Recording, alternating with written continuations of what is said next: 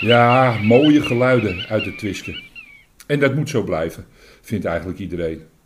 Maar zonder de inkomsten van de muziekfestivals en het parkeren wordt het moeilijk het Twiske goed in stand te houden. Al dus Dirk Wals, beheerder van het Twiske, in deze vijfde aflevering van de podcastserie Het Twiske Nu en Straks. Beheerder Dirk Wals kent het Twiske op zijn duimpje. Hij woonde er zelfs ooit een tijdje en is al vele tientallen jaren werkzaam in het natuur- en recreatiegebied. Hij is blij met het predicaat van Natura 2000 gebied, een unieke status volgens hem. De balans bewaren tussen natuur en recreatie is geen hogere wiskunde, zo vindt hij. Er is voldoende ruimte voor allebei. Hij is bepaald geen voorstander van mogelijkheden tot grootschalige overnachtingen in het Twiske, zoals vorig jaar aan de orde kwam bij het festival Welcome to the Future. Maar voor een paar tentjes of lodges ziet hij nog wel ruimte. En kort geleden werd een nieuwe publiekstrekker geopend, het Klimpark. Het Twiske draait goed met al jaren stabiele bezoekersaantallen. Maar zorgen om de financiën zijn er wel. Ik sprak met Dirk Wals in het beheerkantoor in het Twiske vlakbij Oostzaan. Ja, en officieel heet het beheerkantoor Twiske Waterland. Hoe zit dat precies? Twiske Waterland. Dus jullie doen niet alleen het Twiske? Nee, nee. Verleden waren er twee aparte gebieden, uh, Waterland en het Twiske, met twee aparte beheerders erop. Dat is een paar jaar geleden is het samengevoegd, vooral financieel samengevoegd in één, in één begroting. Zit wel een verschil tussen die twee gebieden. Uh, het Twiske beheren we eigenlijk alles wat je hier buiten ziet. Het groen, het grijs, het blauw. En uh, daarmee bedoel ik gras, bomen, asfalt, gebouwen, water, dat soort dingen. Buiten het Twiske, uh, waterland. Ehm, en dan moet je het een beetje zien vanaf Amsterdam-Noord tot de lijn uh, Horen en tot en met de Nauwe Nase Vaart ongeveer. Dat is nogal Dat wat. is een behoorlijk gebied, maar Ja. dat doen we alleen, ja, we noemen dat puntenbeheer. En dat zijn alle routevoorzieningen die erin lopen. Dat kan zijn de sloepennetwerken op het water, de wandelknoopnetwerken, de fietsknooppunten, de kanonetwerken. Ehm, daarbij horen ook informatieborden, eh, de tops, toeristische overstappunten.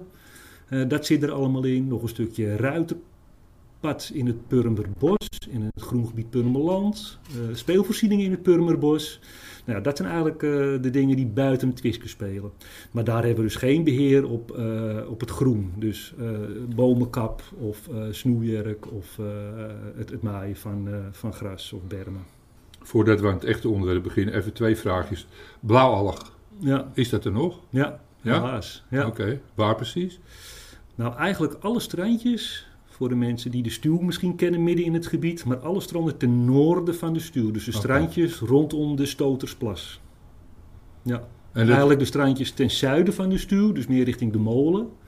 En dat is dan het Doestrand, zoals wij dat dan noemen, of zoals het officieel heet, en het Vennegatstrand. En de Spartelvijf, achter de voormalige Blauwe Poort. Dat is nog goed. En, eh, dat is eigenlijk elk jaar wel, hè? Tenminste, zo Ja. heb ik de indruk. Ja, het is Dus niet onoverkomelijk. Ja, er worden heel veel. Ik heb toevallig van de week weer een stukje gelezen. Gaan ergens in Noord-Holland in een bepaalde plas eh, ook weer een experiment eh, uitvoeren. Een, een, een, een pilot gaan ze dat draaien. En dan gaan ze ijzerzand. eh, IJzerzand? IJzerzand, ja. Ik had er ook nog nooit van gehoord. Maar dat, dat wordt dan afgezonken en, in een soort big bag. En er wordt dan met pompen wordt daar het water doorheen ge, ge- geduwd, als het ware. En dan zou het ijzerzand zou dan de blauwalg eruit moeten filteren. Is het nou, is blauwalg nou iets van mooi weer? Als het nog geen mooi weer is, heb je het niet? Vooral met warmte. Ja, ja. Ja, met warmte. Ook wel de tijd van het jaar. Ik bedoel, wij hebben het hier zelf in april, mei nog nooit gehad. Ondanks dat het ook in die periode best mooi weer kan zijn. Hebben we eigenlijk zelden te maken gehad met blauwalg. Het speelt meestal zo'n beetje eind juli, begin augustus. Nou, dan kan je bijna wel de klok op gelijk zetten. Je kan het zien, hè? Ja, ik kan het duidelijk zien. Ja. Maar jullie waarschuwen er ook voor. Ja, ja.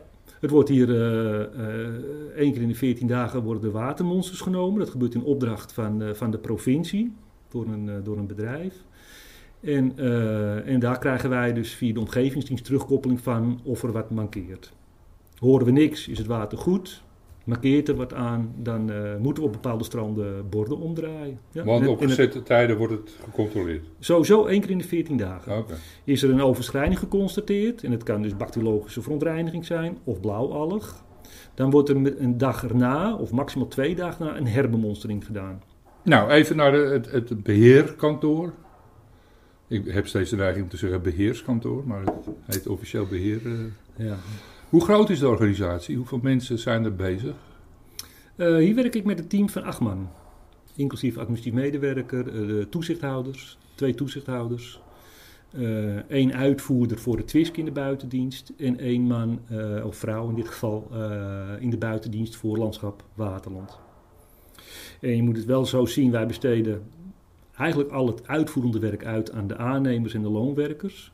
Wij hebben zelf niet de mankracht en de machines om hier eh, een grote snoeiklus of, eh, of te maaien. Dat wordt allemaal uitbesteed. Dus wij zijn vooral bezig in het voorbereidende werk in de vorm van bestekken schrijven, werkomschrijving, et cetera. En de uitvoerders die zijn dus, ja, die nemen het werk op en controleren de aannemers in het veld. Ja, jullie sturen. Wij sturen, ja. Even zonder nou heel erg in de diepte te gaan, maar een dagelijkse eh, bezigheid, bezigheden van jullie. Ja, dat is, dat is heel divers. En dat kan je, je is ook seizoengebonden, denk ik, of niet? Eh, Ja, natuurlijk. In het, in het seizoen heb je heel veel telefoon van recreanten. ehm, ehm, met diverse vragen over, over de waterkwaliteit, eh, over eh, het, wat het parkeertarief is, tot ehm, klachten natuurlijk. Klachten lopen ook, ook heel, heel divers. Klachten loslopende honden, klachten over mountainbikers die ergens rijden waar ze niet mogen rijden. Nou ja, ga zo maar door. Dat neemt in de winterperiode af, dat soort telefoontjes. Maar dan ben je alweer bezig met dus je, je planning, je jaarplannen te maken voor het jaar erop. Dus, ehm, dus eigenlijk in de winterperiode ben je meer bezig met dus alweer de voorbereidingen voor de zomerperiode voor het jaar erop. Nou is eh, het Twiske uit mijn hoofd, jaren 70. Ze zijn in 72 begonnen met de inrichting van het gebied.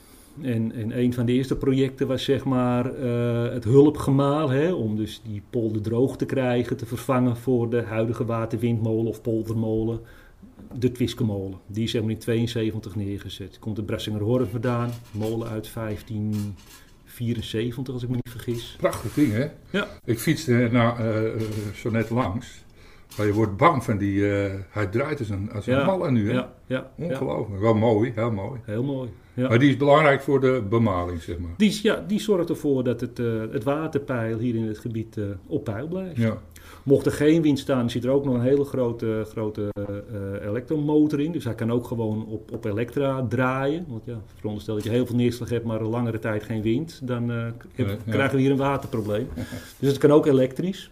Maar er zit een vrijwillig molenaar op. En ja, die is heel ja, fanatiek, zeg maar. Die wil het liefst alles met op de wind wegmalen. Het ja. is zijn... eh, ja, dat is zijn passie. Ja, ja, ja, ja. Leuk. Ja.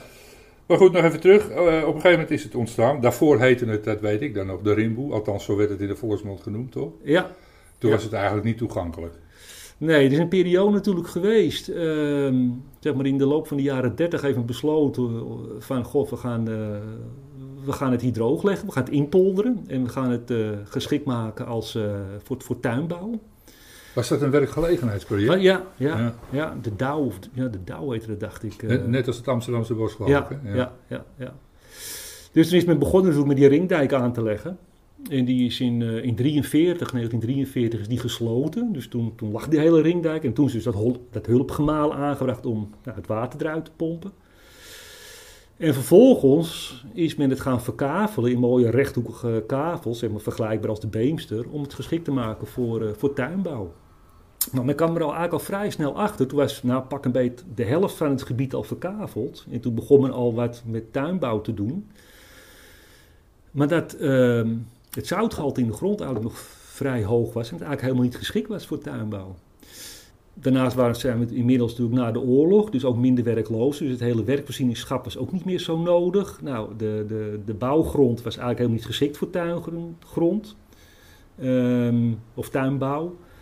En toen is er stil te komen liggen. En toen is het gaan verruigen. En dat noemen we dan wel de rimboe, inderdaad. Ja, ja. Dat heeft heel lang geduurd, totdat men op een gegeven moment zand nodig had voor, eh, voor het Koen- Koentunneltracé en de Koentunnel zelf. Toen heeft men bedacht van, nou weet je, ehm, het is hier toch een rimboel. Laten we dat zand maar hier uit, eh, uit die polder vandaan pompen. Dus zo is die stoten plas ontstaan. Wat nu een plas is van 35 meter diep. En ehm, nou, toen is men ook verder gaan nadenken van ja, wat moeten we er verder mee? En nou ja, toen kwam we eigenlijk tot de oplossing van we maken er recreatie van. Ja. Dus toen is eigenlijk alles weer op de schop gegaan. Dus al die mooie rechthoekige kavels waar zeg maar ongeveer de helft van het gebied al van was ingericht, is allemaal weer op de schop gegaan. Ja, ja. En dat is zeg maar allemaal begonnen in, eh, in zo'n beetje 72. Ja. Toen is alles voor een tweede keer eh, over de kop gegaan. Ja. Ja.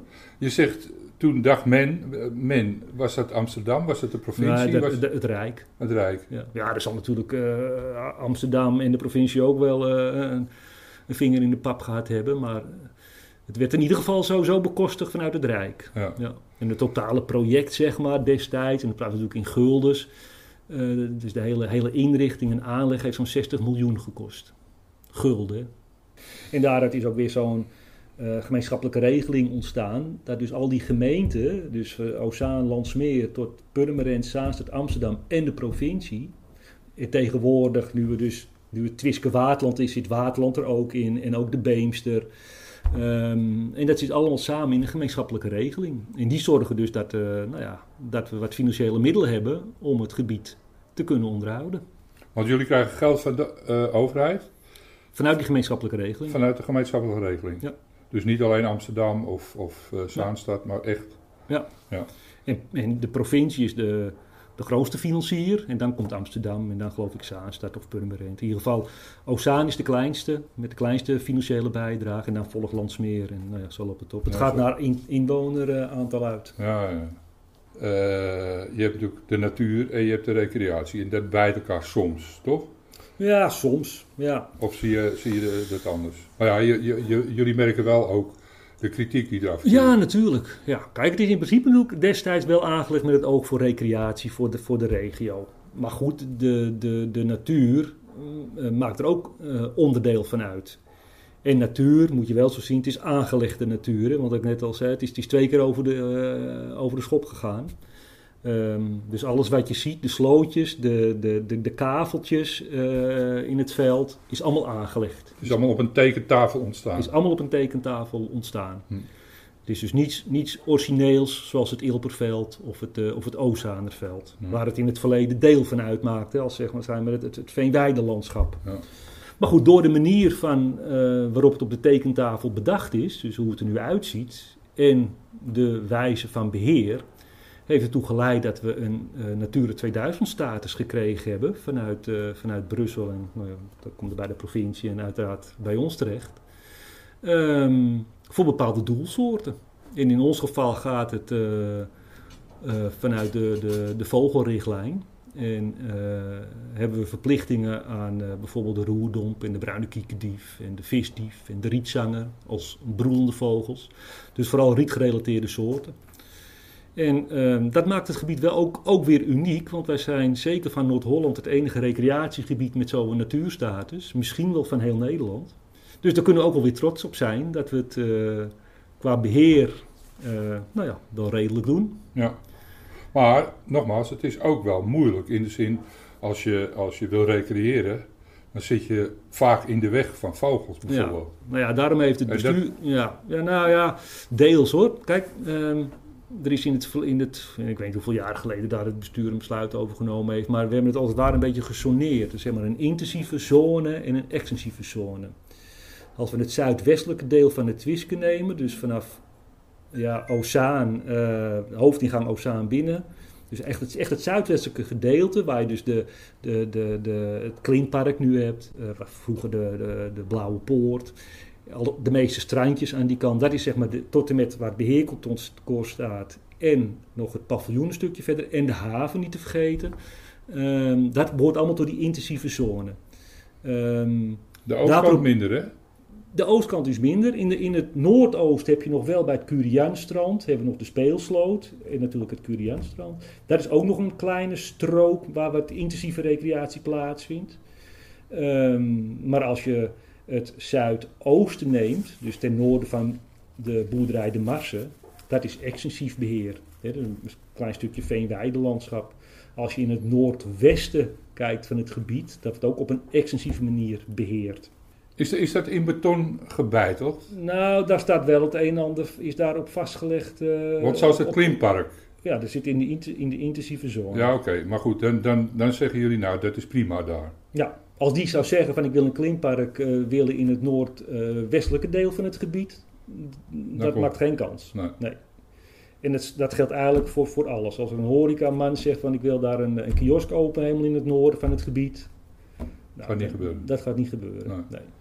Nog even, eh, dus verschillende plekken, gebieden zijn voor verschillende doeleinden. Ja. Zo'n klimpark komt er niet in een, in een gebied wat echt aan de natuur eh, wordt overgelaten. En er is het ook nog zo, ook al, en dat geldt voor alles, alle soorten, eh, dat kan ook van een muziekevenementje zijn of een ander soort evenement.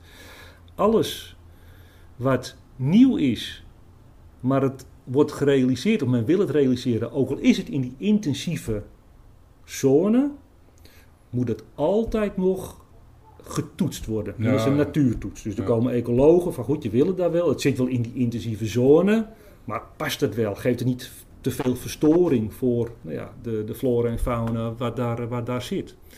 Dus er gebeurt niets in het gebied zonder dat er een natuurtoets aanhangt. Die vervolgens weer wordt eh, beoordeeld door de provincie of de omgevingsdienst Noord-Holland-Noord. En wie doet die toets? Dat kunnen verschillende ecologen zijn. Hm. Ja. ja, we zitten niet vast aan één... één eh, Maar is daar, zijn er dan richtlijnen voor? Eh, ik kan me voorstellen, het- wat ik wel bijzonder vond, ik heb gesproken met iemand van eh, het lentekabinet. ja. En aan de ene kant wordt daar gezegd, nou, we gaan ook heel voorzichtig om met de omgeving. En we hebben goed contact met de gemeente en met het beheerkantoor, et cetera. Ehm, maar zij hebben, de, de, de tegenstanders die roepen, ja, die vogels, die hebben daar last van. En zij zeggen, nou nee, dat is, dat is... Ja, vogels hebben last van licht, maar niet van lawaai, van, van herrie. Dat zegt men. Ja. Dat zegt men. Dat En- zegt men vanuit de, vanuit de ecologie. Ja, ja. En dan denk ik, dat is toch wel... Dat, mij lijkt het ook dat als je als een vogel ziet te broeden... en je gaat herrie maken, dat die dat niet prettig vindt. Maar Nee. dat Nou, is, het schijnt, maar nogmaals, ik ben zelf geen ecoloog, maar eh, ik heb wel toen wel heel veel stukken gelezen. Maar dat vogels daar geen last van, eh, Nee. van ondervinden. Licht wel.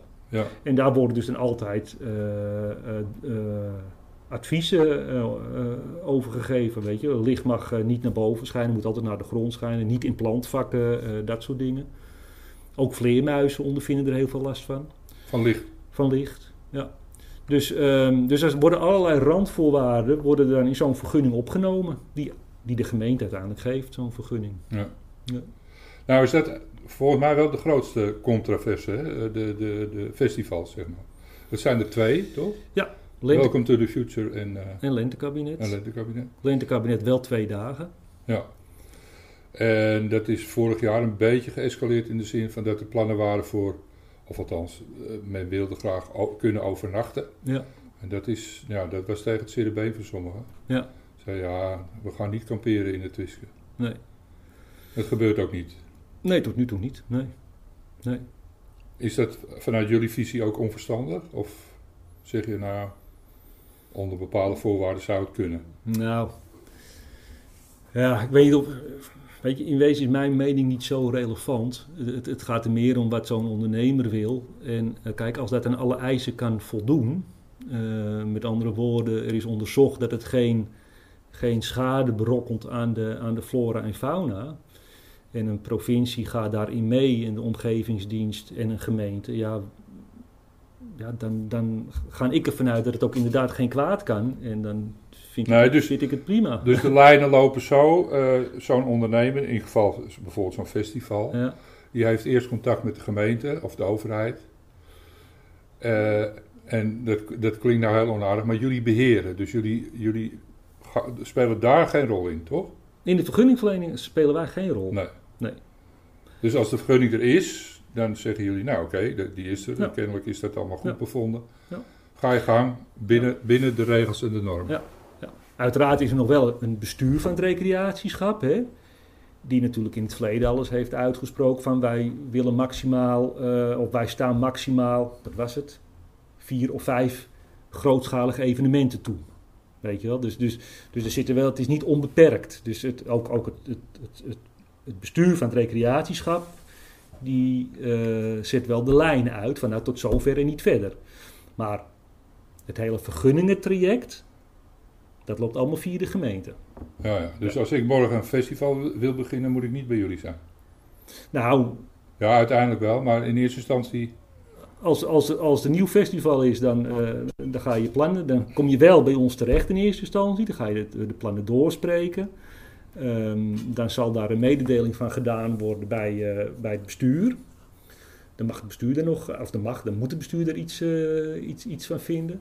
En als dat allemaal akkoord is, ja, dan, moet je, dan ga je de, de vergunningprocedure in eh, via gemeente en de natuurtoetsen en nou, noem het allemaal maar op. Ja. En wij moeten ervoor zorgen dat dus nou ja, het leefgebied voor die beesten hier goed blijft. En daar hoort dus bij dat je dus daar beheer op moet toepassen, wat geld kost. Ja. En dat geld, en dat is het balletje rond, dat halen we weer binnen. En dat, wat ik nu zeg, zullen heel veel mensen misschien niet leuk vinden, maar dat halen we wel binnen door betaald parkeren, maar ook die festivals.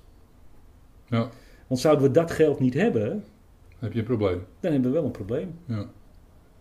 Want als je, even, even heel zwart-wit, als je niets doet, zou doen, dan hebben we binnen tien jaar een enorme moeras hier. Een, eh, Een bos een bos. met willigen en, en, en berken. Nou ja, je, ben je tevreden? Ik bedoel, zoals het gaat nu. Ik ben blij dat het klimpark er staat, zonder meer. Ik ben... eh, ik vind het leuk dat we een N2000-status hebben, omdat we daarin gewoon heel uniek zijn. Ik hoop dat de financiële middelen toereikend blijven om dus aan je verplichtingen te kunnen voldoen die die N2000-status je min of meer oplegt. Dus Kan dat ook misgaan? nou, veronderstel dat er dus helemaal geen, geen, geen evenementen meer mogen komen. Of dat het parkeren eh, afgeschaft gaat worden. Dan ga je een behoorlijke bron aan inkomsten missen. En dan is het dus aan het bestuur van ja jongens, eh, zijn jullie eh, bereid om dat financiële gat op te hoesten? Of niet? Dat is geen zekerheid. Nee. Veronderstel dat het bestuur zegt van ja moet je horen, eh, dit is gewoon wat we, wat we bijdragen en niet meer. En, eh, en de inkomsten van andere partijen eh, zijn er niet meer. Ja, dan hebben we wel een, een uitdaging. Van hoe ga je het, hoe ga je het dan doen? Ja. En ga je dan dus de intensieve zone, waar, de recreanten, waar we de recreanten vooral zien, ga je die verder versoberen. Waardoor het minder aantrekkelijk wordt voor recreanten. Dus eigenlijk je recreanten ja, druk een stuk minder wordt. Hè, eh, maar ja, is dat de doelstelling eh, wat het bestuur voor ogen heeft? Ja. Dankjewel Graag gedaan. voor deze bijdrage.